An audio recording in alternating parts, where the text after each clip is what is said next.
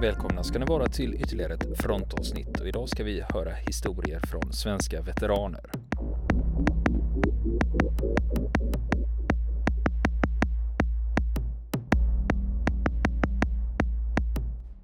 I veckans frontavsnitt så kommer vi att få höra berättelser från svenska veteraner.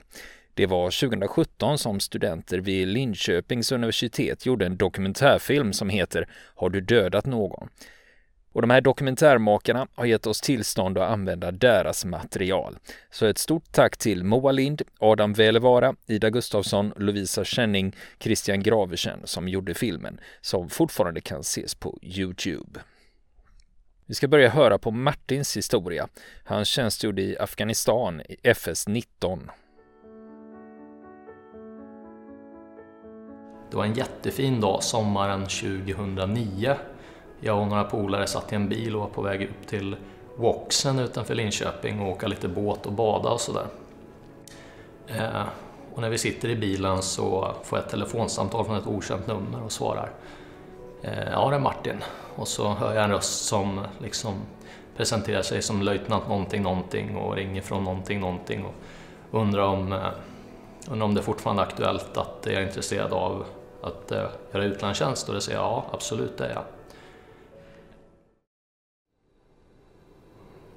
Plutonen la i sina packningar och gick in i ett stort tält och där la jag mig i någon av sofforna och somnade. Jag hade haft svårt att sova på planet nämligen. Eh, och allting blev svart och jag minns att när jag vaknade så hade jag ingen aning om vart jag var någonstans. Det första jag tänkte var oj vad varmt det är.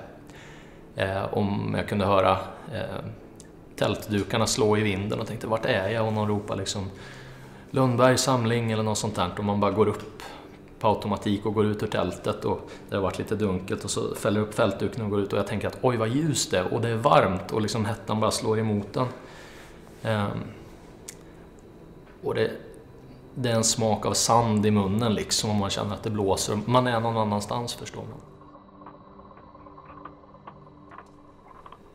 I och med att min kollega Kenneth Wallin eh, gick bort när de körde på en vägbomb så började media skriva väldigt mycket mer om det. Så våra anhöriga där hemma fick sig en annan historia serverad när de öppnade tidningen på morgonen. Eh, då blev det plötsligt intressant att eh, framställa insatsen på ett annat sätt. Att det var lite mer som hände och det tror jag var jobbigt för många, eh, dels många av oss soldater, att man kunde inte riktigt filtrera informationen och förmedla en snällare bild till de där hemma.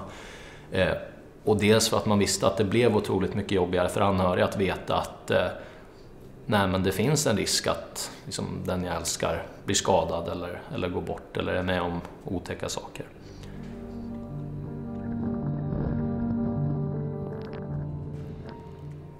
Det var omvälvande ändå.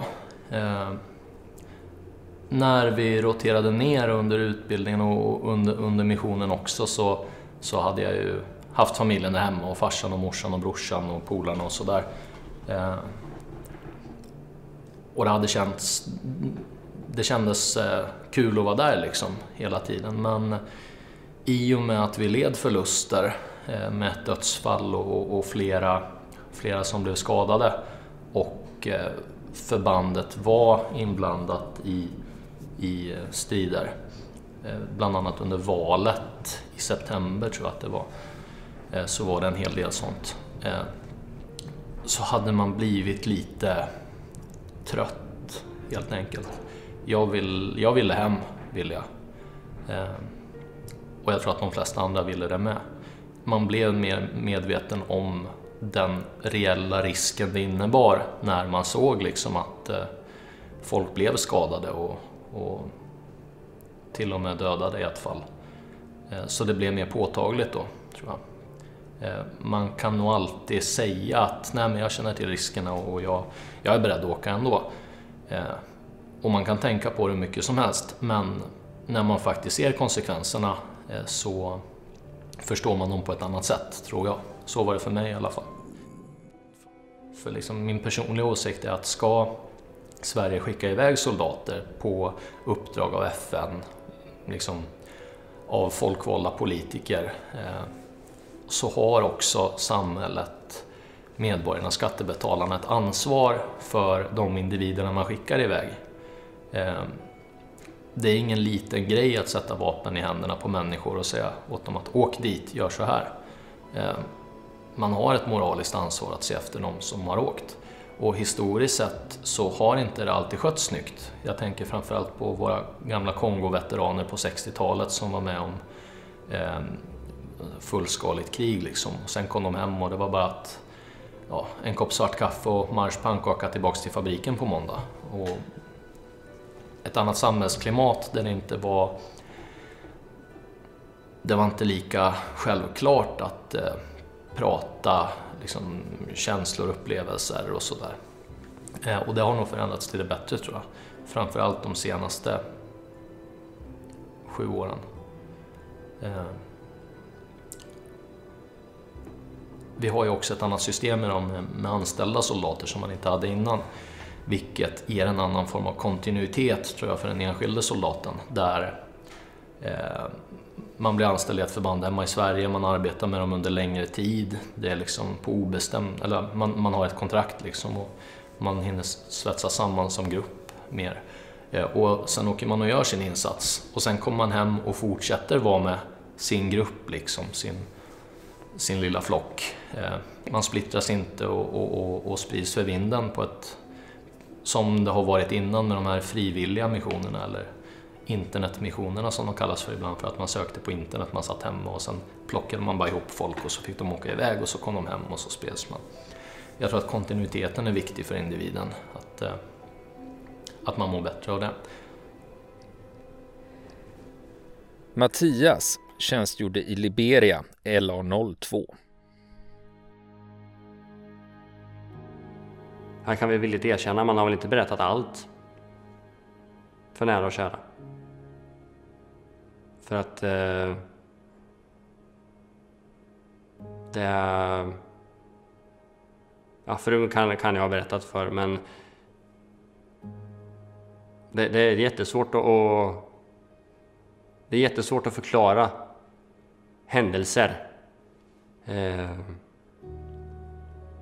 och situationer som uppstår inom Försvarsmakten och militärtjänstgöringen, vad händer som? Eh, för att göra det på ett begripligt sätt. Det är jättesvårt.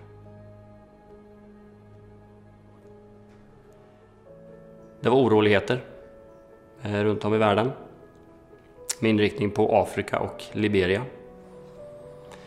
2004, våren, eh, rycker jag in på Livgardet i Stockholm eh, för att då åka iväg på mission nummer två i Liberia. Jag minns en incident. Vi, jag och min stridsparskamrat står i gaten. Vi hade vakten. Eh, repgruppen hade vakten. Och vi hade ganska lång uppfart, en lång gate-infart. Kanske var på 100-150 meter. Eh, med stora sandsäckar på sidorna då, liksom avsmalnat. Och kommer en äldre herre gående med käpp. Uppklädd eh, kavaj och mössa, eller hatt får jag väl lov att säga. Jag och min stridsbrorsa kommer ut. Eh, den här mannen vill inte flytta på sig, han vill inte gå härifrån. Ni får eh, följa med honom upp till eh, där gaten slutar. Ja, liksom, vad, vad är det då? Nej, man vill bara inte gå. Så gick vi fram och frågade den här mannen då, liksom, vad, vad, vad, är det, vad gör du här? Nej, han har hört talas om att svenskarna var i området Eh, och att eh, han behövde hjälp. Ja, men vilken typ av hjälp behöver du? Han behövde mat. Han hade ingen mat. Han hade inte ätit på ett par dagar. Ja, men vart bor du då? Nej, det vill han inte berätta. Nej, men eh, vi har ingen mat, vi är ingen sån hjälporganisation på det sättet. Du får vända dig till eh, UNHCR eller World Food Program eller något. För vi har ingen mat här. Nej. Nej, jag kan ju inte ta mig tillbaka för jag har gjort av med alla pengar för att komma hit. Ja, men var bor du då? Efter mycket om och men talar om för att han bor i de norra delarna av Liberia. Tagit sig med lift och eh, olika transportmedel ner till Monrovia för att prata med svenskarna på plats. Eh, vilket gjorde saken ännu värre, liksom, hur gör vi nu? Men han kunde inte stå kvar i gaten, vi var tvungna att få honom därifrån så att jag och min kollega lägger våra händer runt honom och känner att det är bara kavajen, det är under där ben. Han är så mager. Men han har ändå klätt upp sig för att komma och prata med oss svenskar. Eh, vi följer med honom upp. Vi eh, vinkar på en eh, lokal taxi. Min stridsbladskamrat slänger in en peng. Kör honom dit han behöver. Han behöver komma till UNHCR eller World Food Program eller någonting. Kör honom dit. Ja, ja, visst. Och han eh, tackade och var jätteödmjuk emot mot den. Men eh, som vi sa, att vi, vi, är ingen sån organisation. Vi är här för att hjälpa er mot stridigheter. Det är därför vi är här. Så just denna, när man lägger handen runt den här mannen och det är bara skinn och ben. Det är någonting som har etsat sig eh, fast ordentligt. Man fick se mycket. Eh, folk i misär. Eh, sen kom man in i stora städer, då var det en del som hade det gott ställt istället. Så att det var väldigt stora klyftor. Men eh, alla hajar till när det kommer ett gäng ungdomar. Där två av dem eh, bär vapen. Alla i det här ungdomsgänget är drogpåverkade. Ögonen står still i huvudet på dem. Jag lägger märke till en av eh, killarna som går, han kan vara 10-12 år. Han har en Kalashnikov över axeln, där kolven släpar i backen. Eh, vi ber dem att lägga ifrån sig vapnen eller gå härifrån. Eh, för att det kommer bli... Det kommer, det kommer flyga in fler eh, militärer i det här området så att Antingen lägger ni vapen här och går härifrån eller också går ni härifrån. Den här lille killen. Ja, man får inte kontakt med honom, bara står och bara tittar långt bort. Då eh, får vi från vår chef att vi ska avlägsna dem från platsen, de får inte vara där. Då ber vi dem snällt igen, Gå, lämna platsen eller också så måste vi ta er härifrån. Men just de två killarna som bär vapen. Jag tror inte de uppfattar situationen överhuvudtaget. De är så... De är så höga. Så att de står kvar. Återigen. Vår chef ber dem lämna platsen. Gå. Nu. Så ropar vi på deras gängledare och som vi glömde två typ. Nej men ta med hela gänget. Då börjar de att traska iväg. Just hela situationen med drogpåverkade ungdomar med vapen, det kan, det kan gå hur som helst. De kan vara jättekompisar med oss eller eh, så smäller det direkt. Det där vet man aldrig. Men just att se barn unga ungdomar som har blivit utsatta för det politiska samhället som var där nere. Det är helt horribelt. Det, det är någonting som eh, verkligen har satt sina spår i, i mig. Eller? Ja, men som sagt jag försökte förklara för frun att jag kommer inte vara samma person när jag kommer hem. Eh, killarna i gruppen hade sagt det kommer prägla dig. Eh, positivt, negativt, det kan man inte svara på på förhand. Eh, så här i efterhand så har det nog präglat mig på, på en positiv nivå. Kunna se saker på helt andra sätt. Eh, min fru har väl accepterat det. Eller har, hon har gjort det. Men eh, jag förlorade ganska många vänner på att jag inte var samma person när jag kom hem. Eh, barndomsvänner som eh, typ gått hos dagmamma med har jag inte kvar idag. På grund av att jag var inte samma person. Jag var inte samma eh, roliga kille när jag, när jag kom hem. Jag var inte den där killen man kunde köra med. Utan jag var mer bestämd och, kunde säga ifrån. Vilket man var tvungen att lära sig. Vilket inte gillades av alla.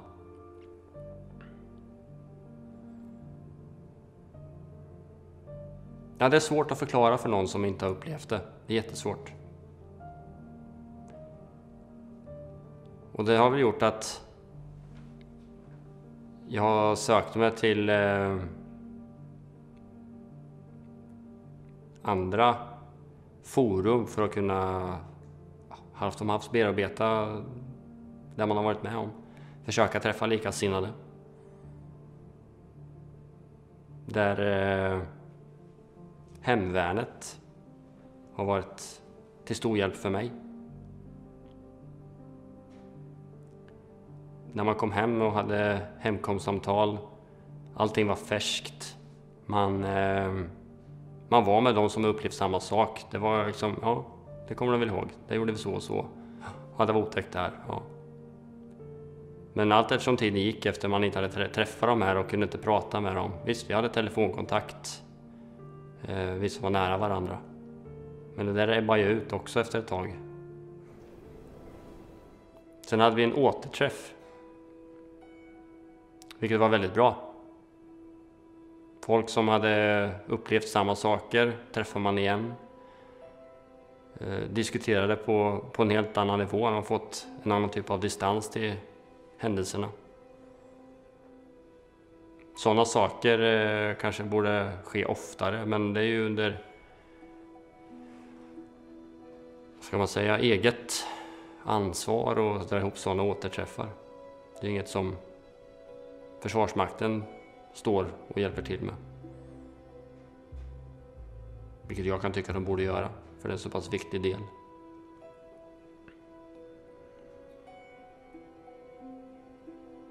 Ja, den första frågan från eh, mina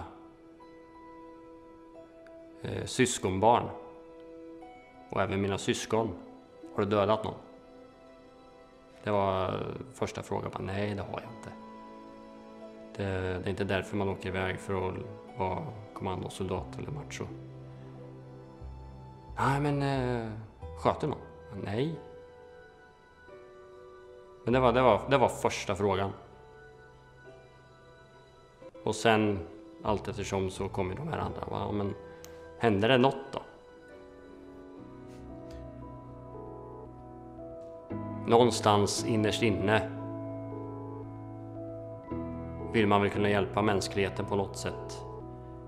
Eh, vi i Sverige har inte varit i krig på x antal hundra år.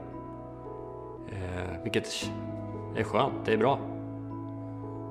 Men eh, det finns folk runt om i världen som har det betydligt sämre än vad vi har.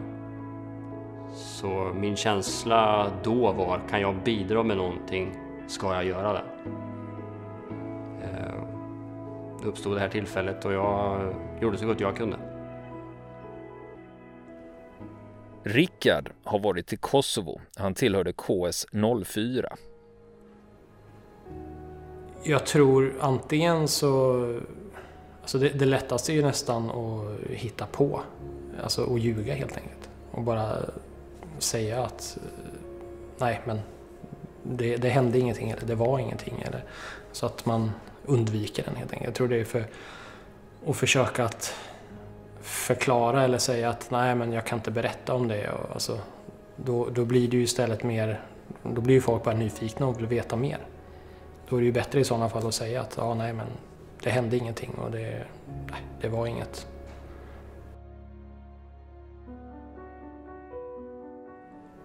Jag hade nog ställt in mig ganska tidigt på, redan innan jag började värnplikten, på att en utlandsmission, det var någonting som jag ville göra.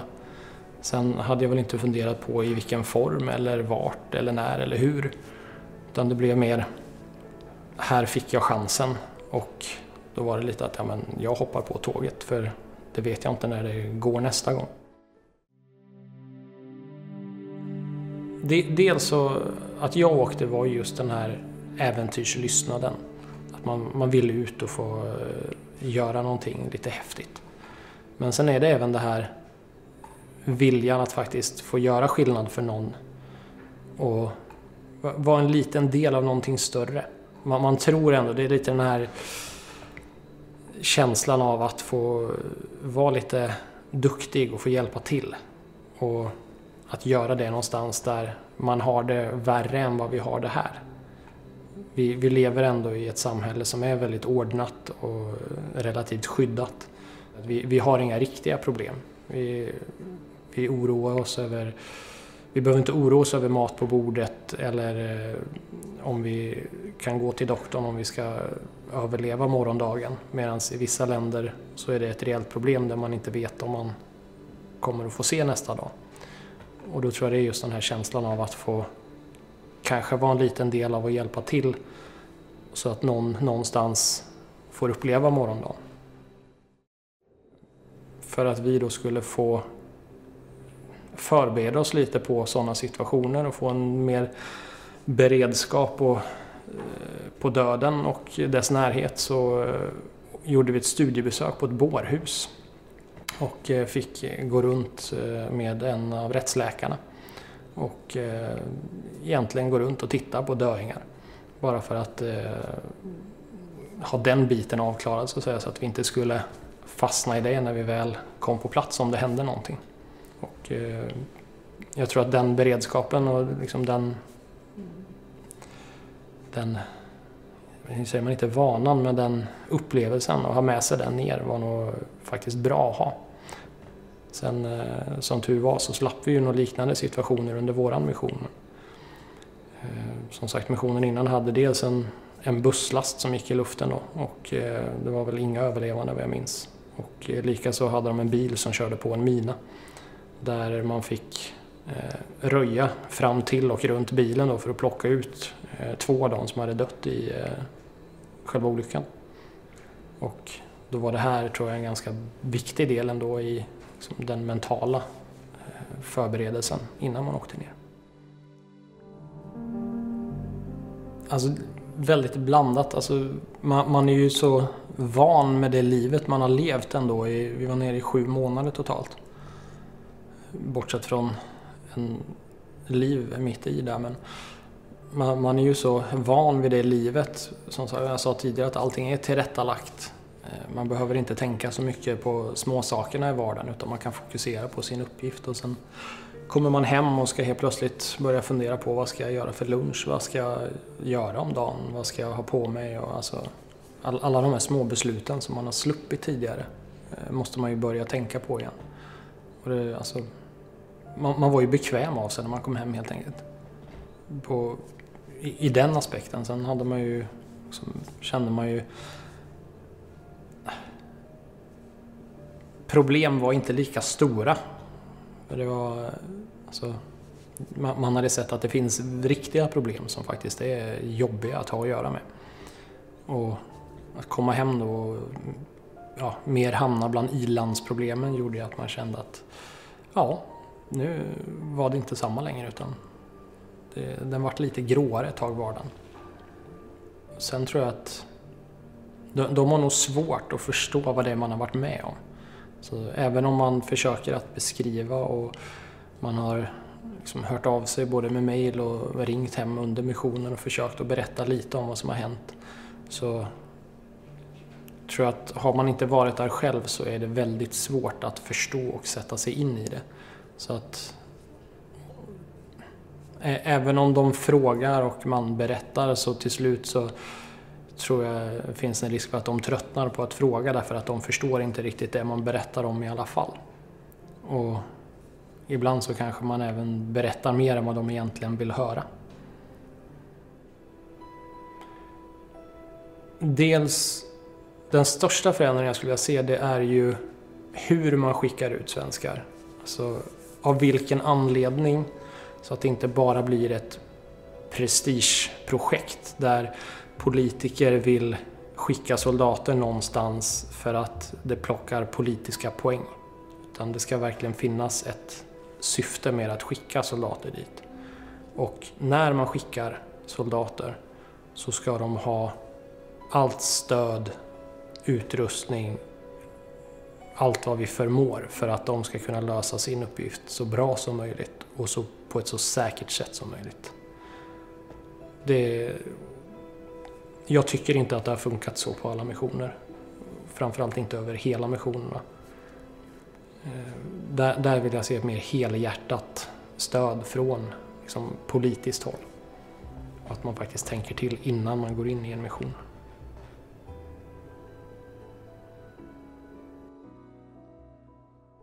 Johan har varit ute på två missioner, Kosovo, KS07 och KS11. Började söka Bosnienmissioner runt 95. Eh, men eh, kom inte med. Det var väl så att flottan inte riktigt var målgruppen för, för de resorna. Eh, gick med i hemvärnet 98. Och fortsatte att söka utlandsmissioner. Och sen blev det så att 2002 på våren så, så fick jag besked om att jag kanske hade blivit antagen. Jag kommer ihåg, det var en grej precis i början. Vi, vi, vi landade i Skopje i Makedonien och eh, bussades upp till, till eh, Aivalia, där Camp Victoria låg. Ehm, och kom dit på kvällen, kommer jag ihåg, eller på eftermiddagen senare. Eh, det började bli mörkt i vilket fall. Ehm, och eh, vi fick inte ens... Eh, vi kan ha käkat middag, men jag, jag, minns inte det. Men jag minns att lite senare samma kväll så stod vi ute på en vägspärr och jagade bankrånare. Då hade det skett ett bankrån inne i huvudstaden tidigare då. Så helt plötsligt så skulle alla ut och, och jobba. Så att det, var, det var inte mycket akklimatisering där, det, det kommer jag ihåg. Det var, som vad fan håller jag på med? Ehm.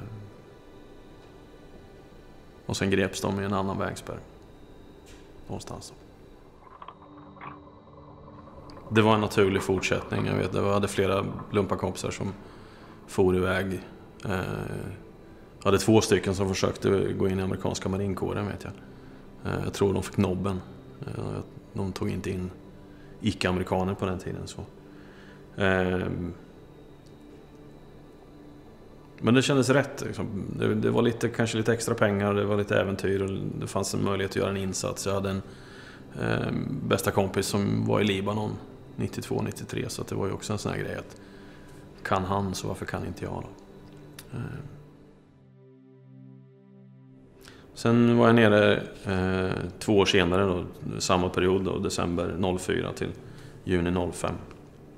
Eh, och då fick jag åka som gruppchef på skyttepluton. Eh, emellan där så inträffade de här berömda kravallerna i Kaglavica 2004. Eh, så det kanske var... Jo, det var nog en, en motivering att söka igen det tror jag. Eh, det var inte färdigt liksom. Det, det, blev, det blev sämre efter att jag hade, jag hade kommit tillbaka. Och så. Ja, jag ville ner igen. Alltså, FN-tjänst är så pass, för mig i alla fall, så pass grundmurat att det, liksom, det är vad Sverige gör. Vi, det, vi, vi, vi är peacekeepers. Eh, och väljer man, väljer man den vägen så, så är det liksom, då är det den vägen. Första gången som jag minns det så det var inga större problem. Jag hade ju inget förhållande att ta hänsyn till eh, eftersom jag var singel.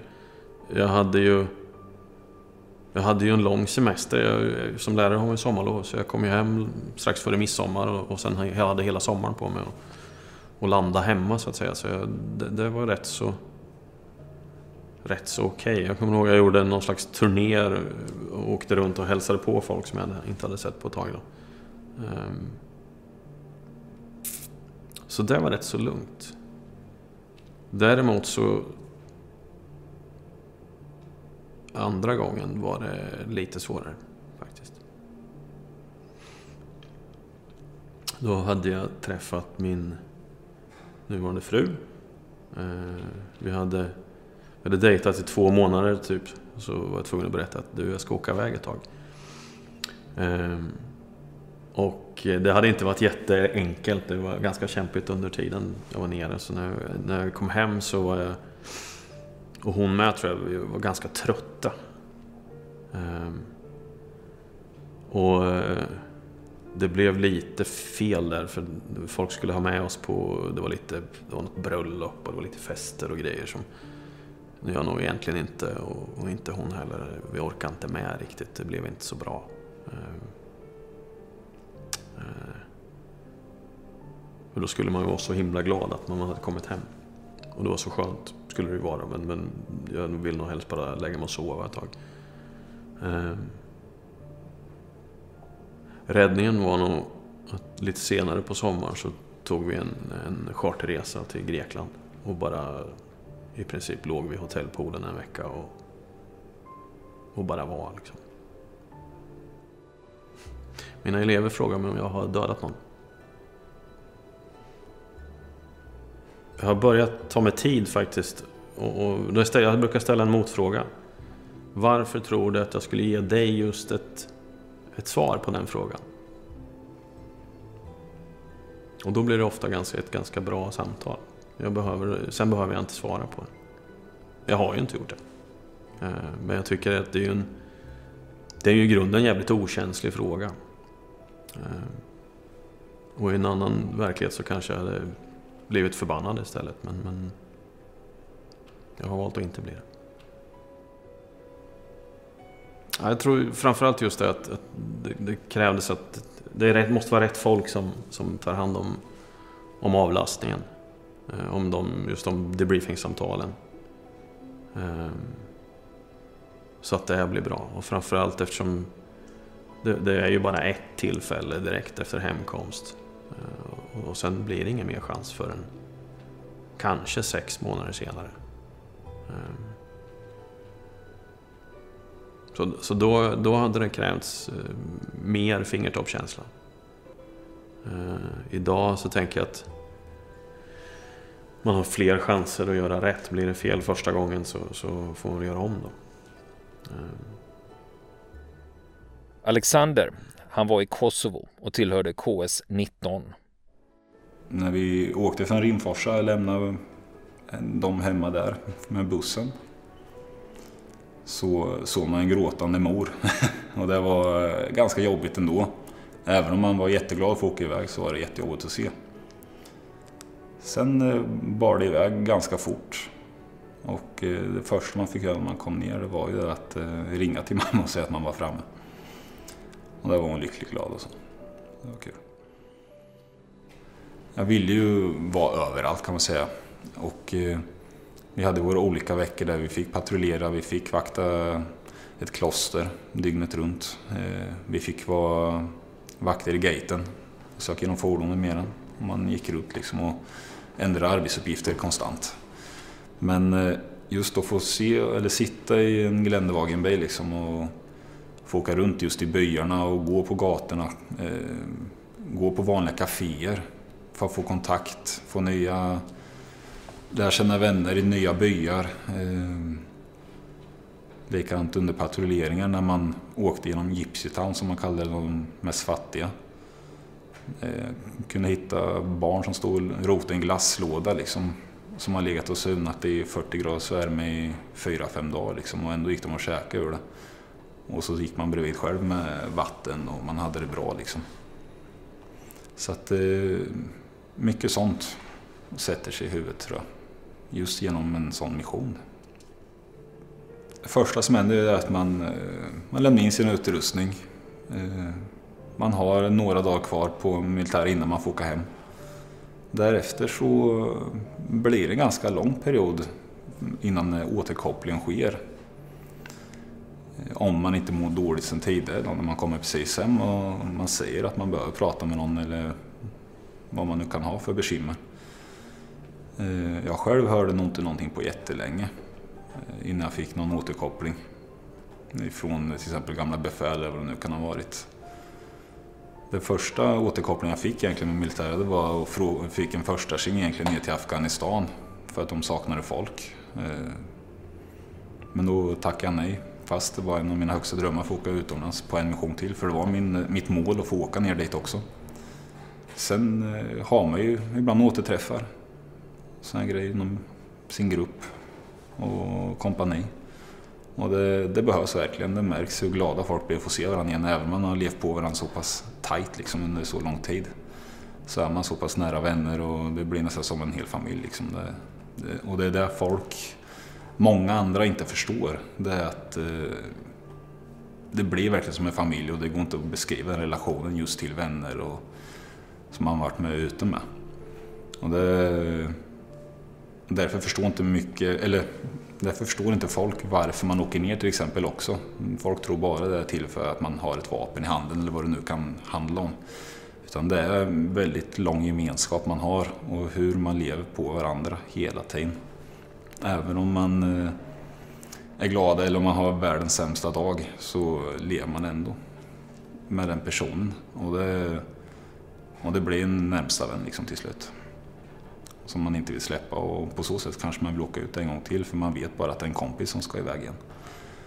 Och därför eh, det är det som gör det spännande med att få åka iväg med någon man verkligen eh, tycker om och nästan älskar ibland. Så att, det, det jag gjorde det var att jag eh, ville komma bort lite från allt och alla. Liksom. Man har levt så pass nära varandra där nere i Kosovo. Så att eh, ja, det första jag gjorde var att åka och köpa mig en ny, helt ny cykel och en cykelkärra och fullt med utrustning.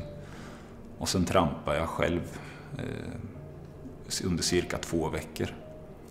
Eh, från Linköping till Varberg, stannade över ett tag hos några släktingar och cyklade vidare ner hela vägen till Skåne.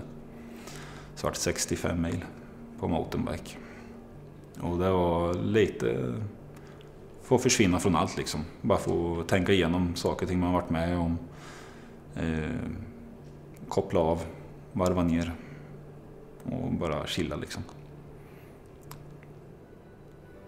Beror lite på vad det kan vara för ålder som frågar men eh, är det till exempel en eh, ung brorsa till exempel så är det ju direkt om man har fått använda vapnet eller har man fått se otäcka saker. Eh, även likadant mamma eller pappa eller syskon, ja, alla slags syskon eller inom släkten. Så är det just det. Att, eh, för, ja, det är nästan, nästan naturligt att fråga om det har varit något otäckt för det, det är någonting man har i huvudet. Ja, man får det ju än idag sådana svåra frågor egentligen. Även på en, kommer man till ett nytt om, eh, område, säg ett nytt jobb, även om det är 8-10 år sedan, så kan det kläcka ur sig helt plötsligt en fråga om man undrar vad man har gjort innan man säger att man har varit yrkesmilitär. Och, och då kommer ju de här vanligaste frågorna igen till, tillbaks liksom, oavsett hur färskt eller hur gammalt det är. Och så får man börja om lite. Självklart är det lite lättare att prata om det idag kanske. Men eh, man får fortfarande försöka kringgå hela just de eh, dummaste frågorna vissa personer kan ställa. Då. Eh, för att jag brukar säga det till de som frågar mig är att eh, man kan liksom inte beskriva riktigt hur det har varit där nere. För det är som att göra en tatuering fast du inte kan säga hur det känns i smärta eller känsla. Liksom, utan att det är någonting man måste uppleva själv för att kunna förstå. Och den, de enda som förstår liksom, det är de man har jobbat med eller har varit ute som veteran. Liksom. Det, det är så jag brukar kontra svåra frågor ibland. Och oftast har folk den respekten och förstår att man kanske inte vill prata om en specifik sak. Kristina har varit ute på flera missioner. Kosovo KS07 och KS11, Bosnien EB03 och Afghanistan FS13 och OMS 01. Jag är uppvuxen i Malmslätt och där har ju flyget alltid funnits. Med en pappa som jobbade inom flyget. Så det var ju Det blir ju att antingen tycker man om det eller också tycker man inte om det militära och jag tycker om det. Ja, sen blev det frivillig utbildning eftersom värnplikten var inte okej okay för tjejer när jag var i värnpliktsåldern. Det fanns helt enkelt inte då. Så det blev frivilligbiten om man ville komma in. Det, det, är ju så många saker som händer hela tiden, för man lever ju i en egen värld när man är iväg. Och... Eh, det är ju mycket upplevelserna både på Balkan, när man kommer ut, är med på en operation ute någonstans och man ser de här barnen som 8-10 år pojkar för det mesta i snöblasket, går omkring i utslitna kläder och några ärvda halvdana gummistövlar eller galoscher. Sådana bilder tar man ju med sig hem. Mina nära och kära har förståelse och intresse av, av det här livet också. De har varit väldigt stolta över vad deras mamma har gjort. De, de var ju ganska stora när jag åkte första gången. Men redan då var det här att min mamma, hon gör minsann det här. Så de har varit hela vägen väldigt stolta över mig. Och det, det känns ju väldigt bra. För hur den är så är man ju mamma innerst inne. Däremot har jag ju mött från andra människor ett ifrågasättande att hur jag som mamma kan överge mina barn. Och jag kan inte se att det är någon skillnad att jag skulle överge mina barn bara för att jag är kvinna, när en man som åker iväg under samma premisser ifrågasätts aldrig att han överger sina barn. Så att vissa dömer oss kvinnor hårdare för det här.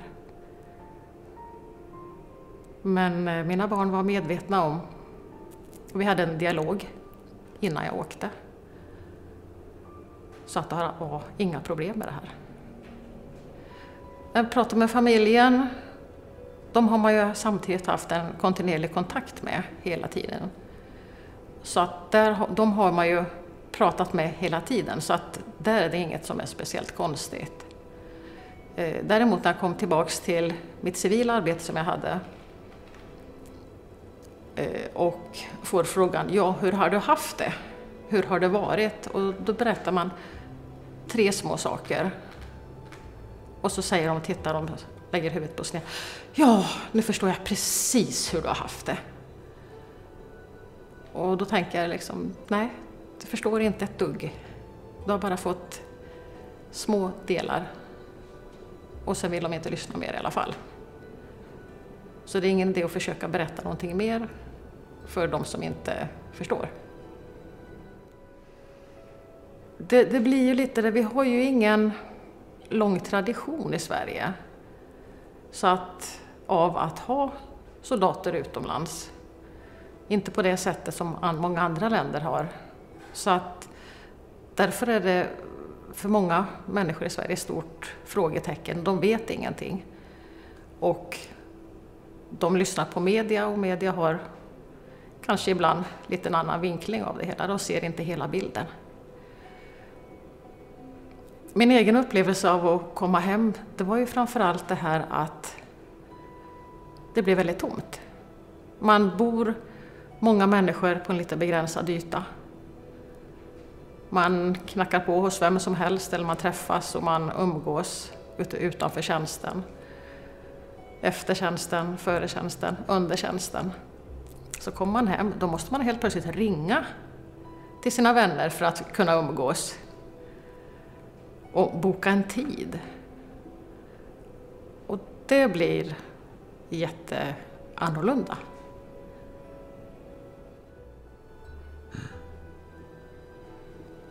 Jag tror det är så här att människor som mår dåligt när de kommer hem orkar inte ta tag i sin situation helt enkelt. Så jag tror att det behövs mer en uppsökande verksamhet från myndigheten på det sättet. För att mår man riktigt dåligt, då tar man sig inte i kragen. Man kan inte ta sig i kragen. Man kan inte, man klarar inte det. För man mår för dåligt. Alltså kan man heller inte meddela någon att hej, jag behöver hjälp. Utan det behöver nog gå på bredden, att man har uppföljning mer med många soldater, med alla gärna. Då får man ju kanske möjlighet att fiska upp de här som inte klarar av att ta tag i sin situation.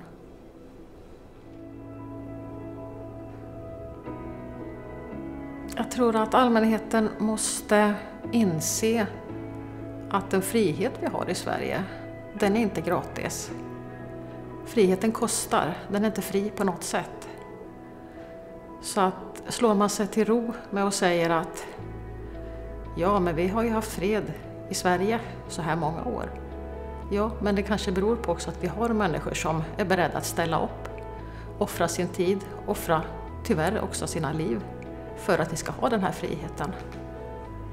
Och jag tror att det, det är det stora delar av svenska befolkningen behöver veta om. Att det inte är gratis med frihet. Har aldrig varit och kommer aldrig att bli.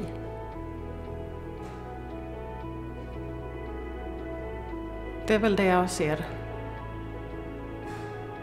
som det stora.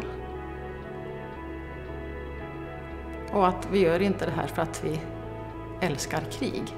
Vi gör det här, vi går ut, tar våran tid, lämnar våra familjer. Vi gör det för att vi älskar fred och vill jobba för det på olika plan.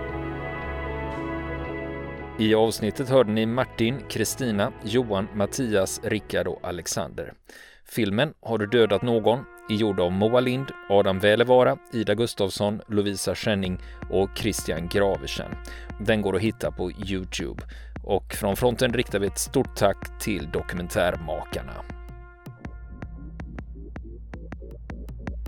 Vill ni komma i kontakt med oss så kan ni göra det via vår Facebook-sida som heter Fronten. Det är inga problem för er att leta er fram där. Eller också så mejlar ni på vår mejladress och det är frontenpodcast.gmail.com.